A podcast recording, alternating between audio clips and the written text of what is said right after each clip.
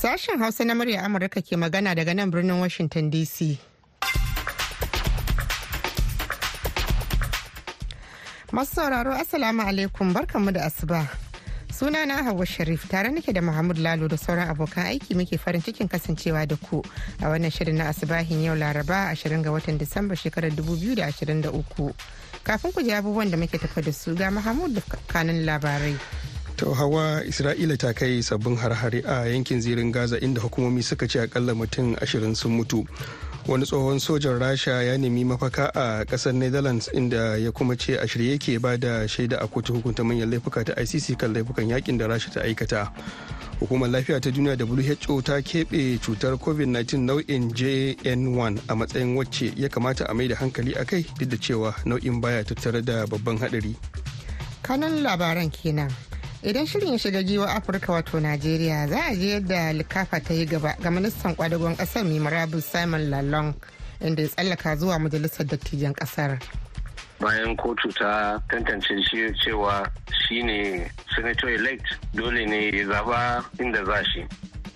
Shi kuwa tsohon jakadan najeriya na ƙasashen jamus mauritania da ghana ambasada bala sani jan hankali yi ga shugabannin ecowas da sauran masu ruwa da tsaki kan yadda za a yi amfani da hikima da tattaunawa cikin girma da arziki domin sasanta dambar wadda ake yi tsakanin ɓangarorin su abin da ya fi yi musu tsanani su gwamnatin Nijar a cire musu sanctions takunkumi. Wannan ya taɓa rayuwarsu an toshe hanyoyin ciniki da makota ciniki baya tafiya tattalin arzikin ƙasa yana yin baya saboda ka ba sa jin daɗi. Sai a kasance da mu a cikin shirin domin jin ƙarin bayani akan waɗannan da ma sauran rahotanni da ke tafi a cikin shirin. Kamar kowace ranar laraba yau ma muna tafi da shirin baki mai yanka wuya tare da murtala farusan inna inda shirin ke yin waiwayen irin wannan da shirin ya riƙa toyawa a shekara da ke ban kwana ta 2023 amma fa duk sai bayan an sha kashin farko na labaran duniya. To jama'a assalamu alaikum. Isra'ila ta kai sabbin har-har sama na sama hada da dakarunta na ƙasa a yankin zirin Gaza a ranar Talata ƙoƙarin da take yi na kakkaɓe mayaƙan Hamas a yankin.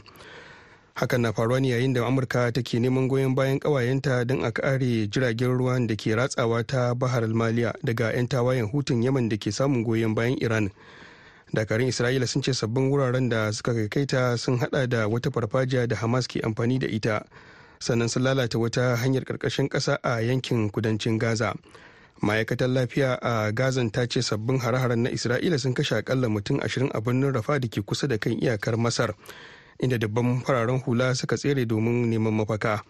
A birnin new york da ke nan amurka ana sa ran kwamitin tsaro na majalisar ɗinkin duniya zai kada kuri'ar kira da a dakatar da buɗe wuta domin a ƙara tura kayayyakin jin kai zuwa yankin na gaza wanda ke fuskantar matsalolin ƙarancin abinci ruwa da magunguna We fully support addressing the humanitarian needs of the people of Gaza as this resolution. Kakakin ma'aikatar harkokin wajen Amurka Matthew Miller kenan yake cewa muna, muna nuna cikakken goyon baya wajen ganin an magance matsalolin da jama'ar Gaza ke fuskanta kamar yadda matsayin da aka cimma ta tanada. Muna kuma aiki tare da sauran ƙasashen da ke wannan kwamiti. Wani tsohon sojin rasha ya nemi mafaka a ƙasar netherlands ya kuma ce a shirye yake ba da shaida a kotun hukunta manyan laifuka ta icc kan laifukan yaƙin da rasha ta aikata. Wata majiya ce ta bayyana hakan ga kamfanin dillancin labarai na reuters inda ta ce sojan ya ce laifukan yaƙin da rashan ta aikata waɗanda ya gani ne da idansa yayin da take yaƙi da ukraine. Mutumin wanda ya bayyana sunansa a matsayin igor salikov mai shekaru 60 ya ce shi mamba ne a dakarun da rasha ke goyon baya tun daga shekarar 2014 waɗanda suka ƙwace ikon donetsk da ke gabashin ukraine. Ya kara da cewa ya yi aiki da sojojin haya na kamfanin wagner a ƙasar ta ukraine. Ita dai rasha ta musanta dukkan wani zargi na aikata laifukan yaƙi a kan fararen hulan ƙasar ta ukraine. Hakan na faruwa ne yayin da ake tunanin mai yiwa 'yan majalisar dokokin amurka su shiga har cikin lokacin hutunsu na kirsimeti ganin sun cimma matsaya a kan kara turawa ukraine kuɗaɗen tallafi yan majalisar za su yi ƙoƙarin cimma matsaya ne kan batun samar da cikakken tsaro a iyakokin amurka da 'yan republican suke buƙata da kuma batun samar da karin kudade ga ukraine da 'yan democrat ke muradi We agree the border must be fixed. That is a broad consensus in our in our caucus. Shugaban masu rinjaya majalisar dattawan Amurka sanata Chuck Schumer kenan yake cewa mun amince cewa ya zama dole a gyara matsalolin da ke kan iyakokinmu. Wannan wani batu ne da dukkanmu muka amince sai dai samun matsaya ta bai ɗaya ya zama wani babban ƙalubale da majalisar take fuskanta. shi ma shugaban marasa rinjaye a majalisar ta dattawa mitch mcconnell ya amince cewa lallai akwai jin aiki a gabansu kan yadda za a cimma wannan matsaya hukumar lafiya ta duniya who a ranar talata ta keɓe cutar covid-19 nau'in jn1 a matsayin wacce ya kamata a mayar da hankali a kai sai dai ta ce wannan nau'in baya ɗauke da wata babbar barazana ga lafiyar jama'a. Cikin wata sanarwa da ta fitar hukumar ta who ta ce ana ci gaba da auna barazanar da take tattare da wannan nau'in cutar ta covid-19 nau'in jn1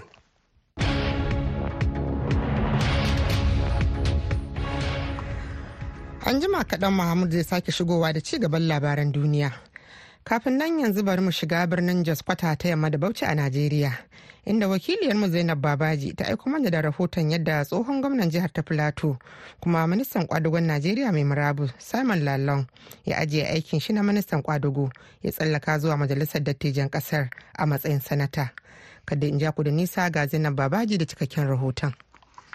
Ministan kwadagon Najeriya Simon Lalon ya yi murabus daga mukaminsa inda ya tsallaka zuwa majalisar dattawa. Simon Lalon wanda tsohon gwamna ne a jihar Plateau ya yi takarar sanata a zaɓen gama gari na wannan shekara ta 2023 bai sami nasara ba saboda hukumar zaɓe ta ayyana Napoleon Bali na jam'iyyar PDP a matsayin wanda ya lashe zaɓen. A watan jiya ne kotun ɗaukaka ƙara a Abuja ta soke zaɓen sanata Napoleon Bali na jam'iyyar PDP ta baiwa Simon Lalong saboda a cewar kotun jam'iyyar PDP a jihar Plateau ba ta da zababbun shugabannin jam'iyya kafin gudanar da zaɓen. Mai ba Simon Lalong shawara kan harkokin yada labarai Makut Simon Macham ya ce tuni tsohon ministan ya mika takardar murabus wa shugaban ƙasa Bola Ahmad Tinubu. Kin sani matsayi ne na jama'a kuma kira ne da jama'a suka masa. Kuma bayan kotu ta tantance shi cewa shi ne senator elect dole ne ya zaba inda za shi. Kamun ya zama gwamna ya yi memba na house of assembly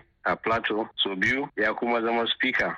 Shi ne speaker wanda ya fi zama da dadewa a plateau. Lokacin yana speaker ya zama chairman na conference of speakers. Bayan haka a yau ɗin nan shi ne chairman na shugaban conference of former speakers na najeriya duka. So majalisa wuri ne wanda ya santa sosai. Amma ko ya dan yi bayanin wani abin da al'umman jihar plateau za su amfana daga wannan matsayi nashi yana da sanin yadda ake aiki a legislature. Yana da na executive. Kin ga yana da faɗin sani wanda zai iya sa ya sa ya san me zai za yi wa mutane. Saboda haka constituency nashi mazabar shi wadda ayyukan da zai musu suna da yawa. Na nemi jin ta bakin wasu daga shiyar plateau ta kudu inda sanata simon lalon ke wakilta. Sunana honorable indam lombard web popularly known as baba mai kunu. A gaskiya saboda allah zuwan shi da ya ji daɗi sosai.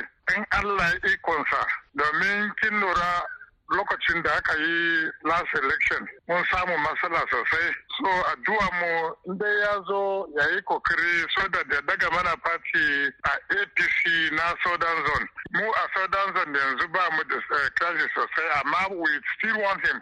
Ya taimaka mana da maganan security ma. To suna na Idris Zubairu Daren ba na son shi da wannan kujera duk bai muna abin da damu so shi da wannan kujera din ba. Amma da yake abu ne abu ne irin na Allah ba abin da baya iya kasancewa. Me ya kamata ya fuskanta a yankin a Plateau ta Kudu? Damuwoyi suna da yawa ba mu da hanyoyi don tun da ya hau wannan wurin har kamar yadda nake miki magana yanzu ba wani hanya da ya na kilomita ɗaya ko kilomita biyar a yankinmu a yanzu tun awon shekara takwas. Kuma yanzu kika dube hanyoyinmu abin da ya kama daga jibama har kurgui ba wani tafiya da mota da yi na kwanciyar hankali. Tafiyan awa ɗaya da aka yi shi awa huɗu kafin ka fita babban hanya. Wasu 'yan asalin yankin plateau ta kudu kenan ke bayyana ra'ayoyinsu kan shigewa zauren majalisar dattawa da simon lalon ya yi. Zainab babaji muryar amurka daga jos a nigeria. An gaida Zainab Babaji da wannan rahoton. ana tare ne da sashen hausa na murya amurka a birnin washington dc ga mahmud ya sake shigowa da kashi biyu na labaran duniya. Dakarun da ke tsaron ruwan tekun ƙasashen nahiyar turai sun ce jirgin ruwan 'yan kasuwan nan na ƙasar malta da masu fashin teku suka sace a makon da ya gabata a tekun arabiya ya bar yankin ruwan ƙasar somalia. Bayanai sun yi nuni da cewa an fitar da ɗaya daga cikin mutanen da ke cikin jirgin saboda ba shi da lafiya sai dai har yanzu jirgin mai suna ruwan na ƙarƙashin ikon masu fashin tekun. Dakarun ruwan ƙungiyar nahiyar turai sun ce har yanzu ba a san waɗanda suka yi garkuwa da jirgin ba kuma ba a san mecece buƙatar su ba. Amma ana zargin masu fashi a teku na ƙasar somalia ne suka sace jirgin waɗanda ake tunanin sun farfado da ayyukansu bayan wasu shekaru da aka kwashe ba a jin ɗuriyarsu. su amurka ta kakaba wasu kamfanoni da mutum goma takunkumi a iran malaysia hong kong da indonesia waɗanda take zargi da taimakawa iran wajen kera jirage mara matuka kamar da baitulmalin ƙasar ya sanar a ranar talata a cewar kamfanin dillancin labarai na reuters ana zargin mutanen da kamfanonin da samar da sassan jirage mara matukan waɗanda kuɗinsu ya kai ɗaruruwan dubban daloli ga dakarun tsaro na juyin juya halin ƙasar ta iran. Hukumomi a washington sun sha zargin takwarorin aikinsu na tehran da samarwa rasha jirage mara matuka a yaƙin da ƙasar ke yi da ukraine. Zargin da iran din ta sha musantawa.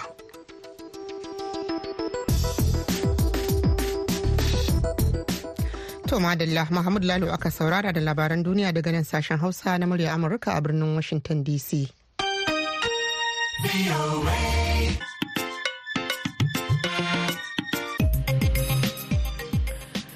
har yanzu dai muna najeriya inda tsohon jakadan najeriya a ƙasashen jamus mauritania da ghana ambasada bala sani ya ja hankalin shugabannin ecowas da sauran masu ruwa da tsaki kan yadda za a yi amfani da hikima da tattaunawa cikin girma da arziki domin sasanta dambarwa da ake yi tsakanin ɓangarorin shugabannin ecowas din da na mulkin sojin jamhuriyar niger.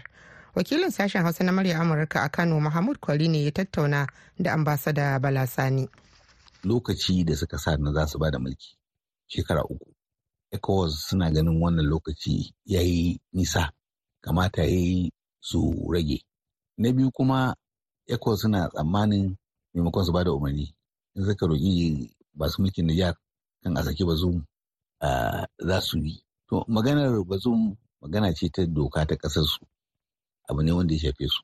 Suna ganin wataƙila idan sun bar bazum ya zama baya kusa da su zai iya samun dama ya nemi taimako a ƙasashe da za su iya taimaka mishi. Watakila a zo a sami sojojin waje su suna yin rikici da su. To amma idan yana hannunsu su kansu wanda suke tunanin za su yi haka din kaga abin ba zai faru ba. A diplomasiyance ya ya kamata a warware wannan matsala? Duk waɗannan abubuwa da ake ai akwai diplomasiya a ciki. Kaɗan ne na ecowas da suka ce za su za su kai hari. Kamata ya yi su ci gaba da tattaunawa ana tattaunawa abin da baturu ke kira constructive engagement din ana yi ana yi har a zo a cimma yarjejeniya wanda sun yadda su ma mun yadda. Kamar a iya cewa kwamitin da su ECOWAS suka kafa kamar sun kama tafarki kenan misali. Sun kama tafarki mana. Sai dai kawai bambanci akan su abin da ya fi yi musu tsanani su gwamnatin Nijar ya cire musu sanctions takunkumi. Wannan ya taɓa rayuwarsu an toshe hanyoyin ciniki da makota ciniki baya tafiya tattalin arzikin ƙasa yana yin baya saboda ka ba su jin daɗi. Suna ganin a cire musu wannan takunkumin kuma a ci gaba da tattaunawa akan yadda za a samu sulhu a mulki ne dai na bazum sun tabbarar babu kuma yadda za a yi su ci su wanda suka cire shi za su zo sake mai da shi. Wataƙila in ma hakan za ta faru sai idan sun tsara sababbin hanyoyin mulki da za a yi su ba shi dama wataƙila ya tsaya ya tsaya takara wanda ba na tsammanin hakan ma za ta faru.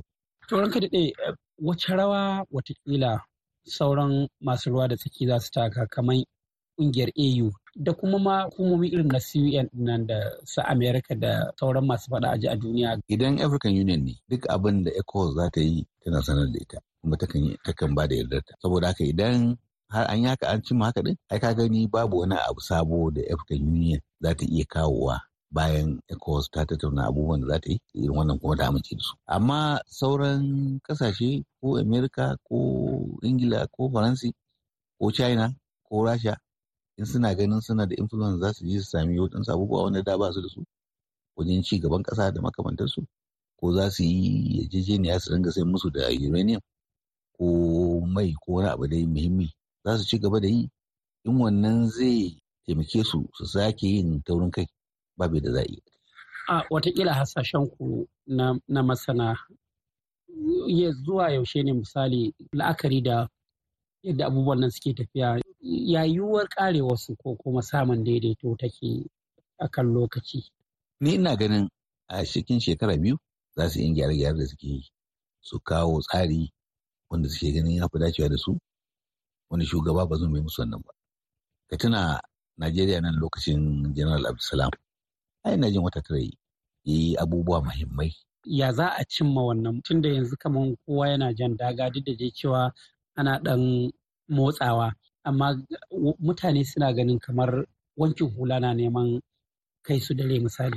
A ina ganin damar da su soja suka samu kamar suna tafi musu daidai da ba don wannan tattalin arzikin kasa da yake ba su wahala ba da kuma talauci wanda ya da yin kanta a wurin. ECOWAS ita take da hand ita take take da cin riba domin ECOWAS ba wuri ɗaya ba ne ba ƙasa ɗaya ba ce. Ƙasashe ne 'yan uwanka makotanka suka yi yarjejeniya tsakansu ga abubuwan da za ka yi kamun ka dawo cikinsu kamun a dinga yin hulɗa da kai. Saboda haka su gwamnatin soja ta Nijar su ne za su yi ƙoƙari su bi abubuwan da ake so su yi domin a samu cikin lokaci kaɗan an yi zaɓe an yi shirye-shiryen siyasa an yi zaɓe an yi zaɓe an koma fara hula. Kamar daɗe wasu suna ganin me zai hana ita ECOWAS ta yadda ta cire kamar takunkumi misali na rufe boda ɗin nan alabashi bisa yarjejeniya da amincewa su kuma su fito da jadawalin su na miƙa mulki. A su ina ganin su su fara yi su suka janyo rikici su mulkin soja hukumomin soja saboda haka a fara yadda akan lokacin da za su ɗauka shekara ɗaya shekara biyu in an yi wannan ne su sauran abubuwa sai a sassauta idan dai a tabbatar sun bi sun bi ka'idojin da ake so. Za su iya sakin shi ba zum idan wataƙila an amince da jadawalin su misali. Wannan magana fa ba ta bazum ba ce. Mutane da suke cikin kuncin rayuwa har shi bazum ɗin su za a duba. Bazum sun ce shi daga kan mulki. Ya shiga tarihi ya yi shugaban ƙasar Nijar. Amma a dinga sa shi a cikin wani kwandishin sai an masa na ganin su sojojin ba za su yadda ba. Gani suke wani sun yi ne saboda interest ɗin ƙasa. Mulkinsa baya kawo musu irin wannan jin daɗin da suke buƙata. Saboda haka shi ne na farko da za a fara cirewa. Sannan a zo a yi gyaran da ake so. Sannan in ma yana da laifi a kai shi ma kotu a ɗaure shi. ai sun faɗa saboda aka babu ruwan ecos da bazum. To Madalla an gaida Mahmud Ibrahim Kwari a tattaunawarsa da tsohon ambasadan Najeriya a ƙasashen Jamus, Mauritania da Ghana. Ana tare ne da sashen Hausa na murya Amurka nan Washington DC kan mitoci 1625 da kuma 31. Yanzu kuma ga shirinmu na gaba. Baki mai yanka wuya.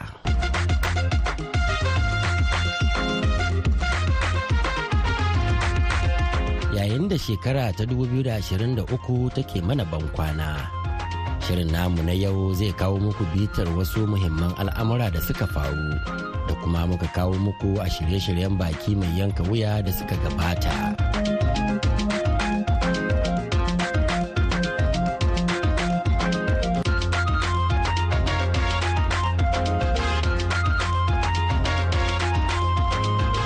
Jama'a Assalamu alaikum.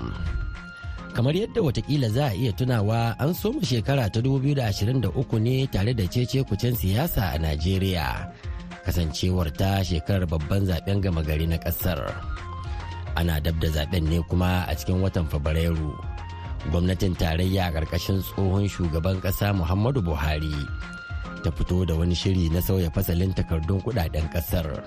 Lamarin da aka ta'allaka shi da zaɓen wanda kuma ya jefa 'yan najeriya da dama a cikin mawuyacin hali.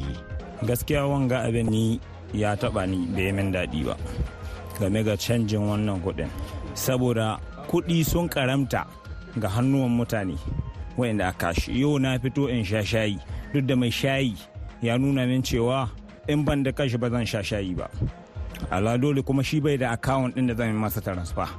A kawo mana abu kai tsaye a abin to zai dan taba mu ko da abin ya zama alfano na gare mu daga baya. Ana magana kan tattalin arziki da sauransu ko wani abu da yau ka dibi kasuwa ga ta nan ga yadda take. Mutane zazzaune suke. Kasuwancin su bai ci gaba ba. Amma ni dai ban ga alfanu yin wanga abu ba saboda mi? Babu sabbin kuɗin da ake nuhin isashi ga mutane. Tun farko ba a yi abin da ya kamata ba. Lokacin da aka ce kawai za a bullo da kuɗi za a fara amfani da su ranar kaza da kaza farko wanda ta fara kalubalanta wannan abun ita ce minista kuɗi. Ta ce ba zai yiwu tana minista kuɗi ba ce ba ta san da wannan magana ba. Kuma ta magana cewa shi gwamnan babban bankin najeriya bai gabatar da buƙata ta hannunta ba. Yan majalisar dattawa da yan majalisar wakilai na tarayya suka ce su ma ba a tuntube su ba. To a nan wurin ƙarƙashin dokokin ƙasa an karya dokar ƙasa. A ranar 25 ga watan na fabrairu ne aka gudanar da zaɓen shugaban kasa da na 'yan majalisar dokoki na tarayya inda bayan kwana uku hukumar zaɓen ƙasar ta ayyana bola ahmed tinubu na jam'iyyar apc mai mulki a zaman wanda ya lashe zaɓen tinubu bola ahmed of the apc having satisfied the requirements of the law is hereby declared the winner. And is returned elected. Thank you. Shugaban hukumar zaɓen Najeriya kenan Farfesa Mahmud Yakubu yake bayyana sakamakon zaɓen ƙasar da aka gudanar a ranar Asabar ɗin nan da ta gabata. Inda kuma ya ayyana ɗan takarar jam'iyyar APC mai mulki Bola Ahmed Tinubu a zaman wanda ya lashe zaɓen na shugaban ƙasa. Tinubu ya sami wannan nasara ne sakamakon samun ƙuri'u miliyan 8,794,726 inda ya doki manya abokan takararsa a tiku abubakar na jam'iyyar pdp da ya sami ƙuri'u miliyan 6,984,520 sai peter obi na jam'iyyar labour party da ya sami ƙuri'u miliyan 6,101,553 da kuma rabi'u musa kwankwaso na jam'iyyar nnpp wanda yake da ƙuri'u miliyan ɗaya da dubu ɗari huɗu da casa'in da shida da ɗari shida da tamanin da tara. To sai dai kuma tuni 'yan takarar manyan jam'iyyun adawa kamar peter obi na jam'iyyar labour party da atiku abubakar na pdp suka fito suka yi watsi da sakamakon zaɓen da aka bayyana. Kurakurin da aka samu ya shafi duk 'yan najeriya kudu da arewa gabas da yamma. Hukumomi da suka zo na bin zaɓe daga ƙasashen waje kusan dukansu sun amince ko kuma sun yarda cewa ba a yi zaɓen nan bisa ƙa'ida bisa dokoki da ƙasa ta shimfiɗa wa hukumar zaɓe ba. Eh, kaga bivas ɗin ba ta yi aiki kamar yadda aka ce ya kamata ta yi ba. Sava da aka ce ta yi aiki ba ta yi ba. Kasan haka suka yi mana 2019 gaba ɗaya suka ɗauke sabadin suka je suka rubuta abin da suke so su rubuta. Na farko ita hukumar zaɓe ta fito ta faɗa wa jama'an najeriya cewa za ta tabbatar cewar idan aka kada zaɓen nan ƙuri'ar da aka kada a nan take za a fito da sakamakon zaɓe za a buga ta a yanan gizo. Da ni da ke za mu iya wayannan kallon wayannan yanan gizo mu tabbatar cewa zaɓen nan an yi sa bisa kan adalci da doka da oda. Ba ta hakan nan ba. Kuma ta fito da ce idan aka yi zaɓen idan ba a yi wannan tafiyar da wannan zaɓen ba a bisa kan doka da oda inda aka shimfiɗa a electoral da kuma kan bisa kan yanayin inda za a yi zaɓe to kuɗin da aka kada a lokacin nan ba a yadda da ita ba. A ranar 18 ga watan Maris kuma an gudanar da zaɓen gwamnoni a jihohi 31 na Najeriya. Wanda shi ma ya bar baya da mamaki musamman a wasu jihohin Arewa. Jam'iyya wata ta ɗauka ga wata kamar a Benue, wata jam'iyya ta ansa ga wanda annan. A Sakkwato jam'iyyar APC ta ansa ga PDP, a Talato PDP ta ansa ga APC. A Kano kana ganin kuma yan npp ce ta ansa ga apc wato ni ina gani wato mulkin demokuraɗiyya ne ya fara nuna za a ce. Mutanenmu sun fara gane cewa lalle fa ana iya suna iya zaɓen wadda suke so suna iya hamɓarar da gwamnati.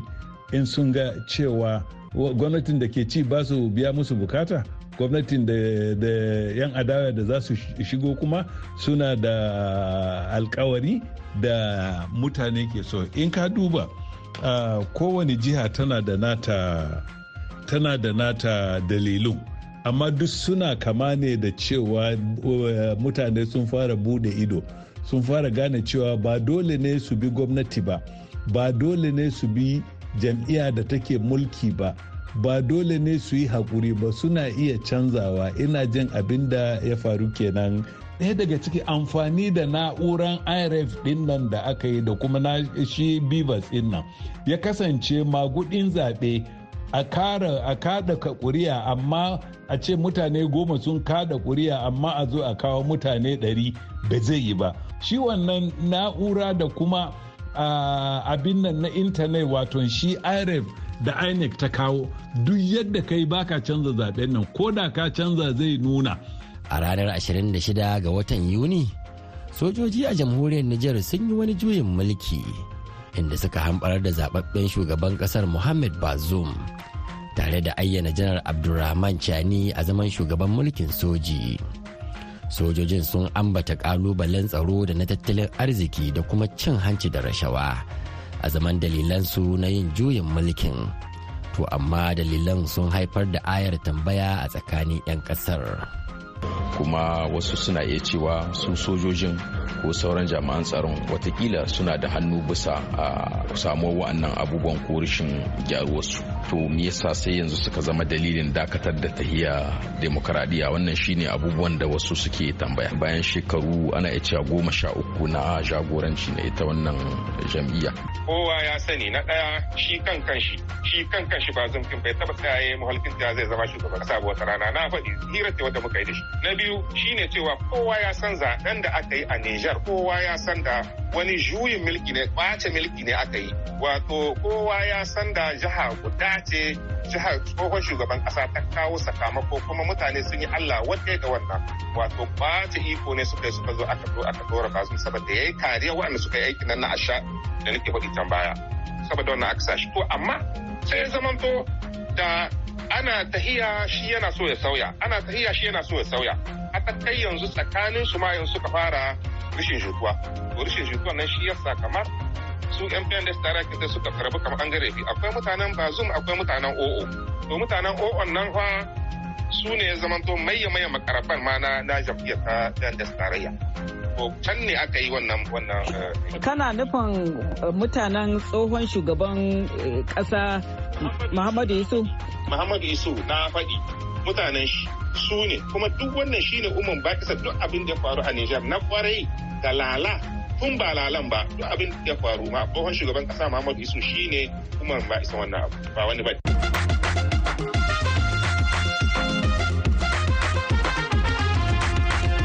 Masu saurare saboda ƙarancin lokaci a nan za mu dasa aya.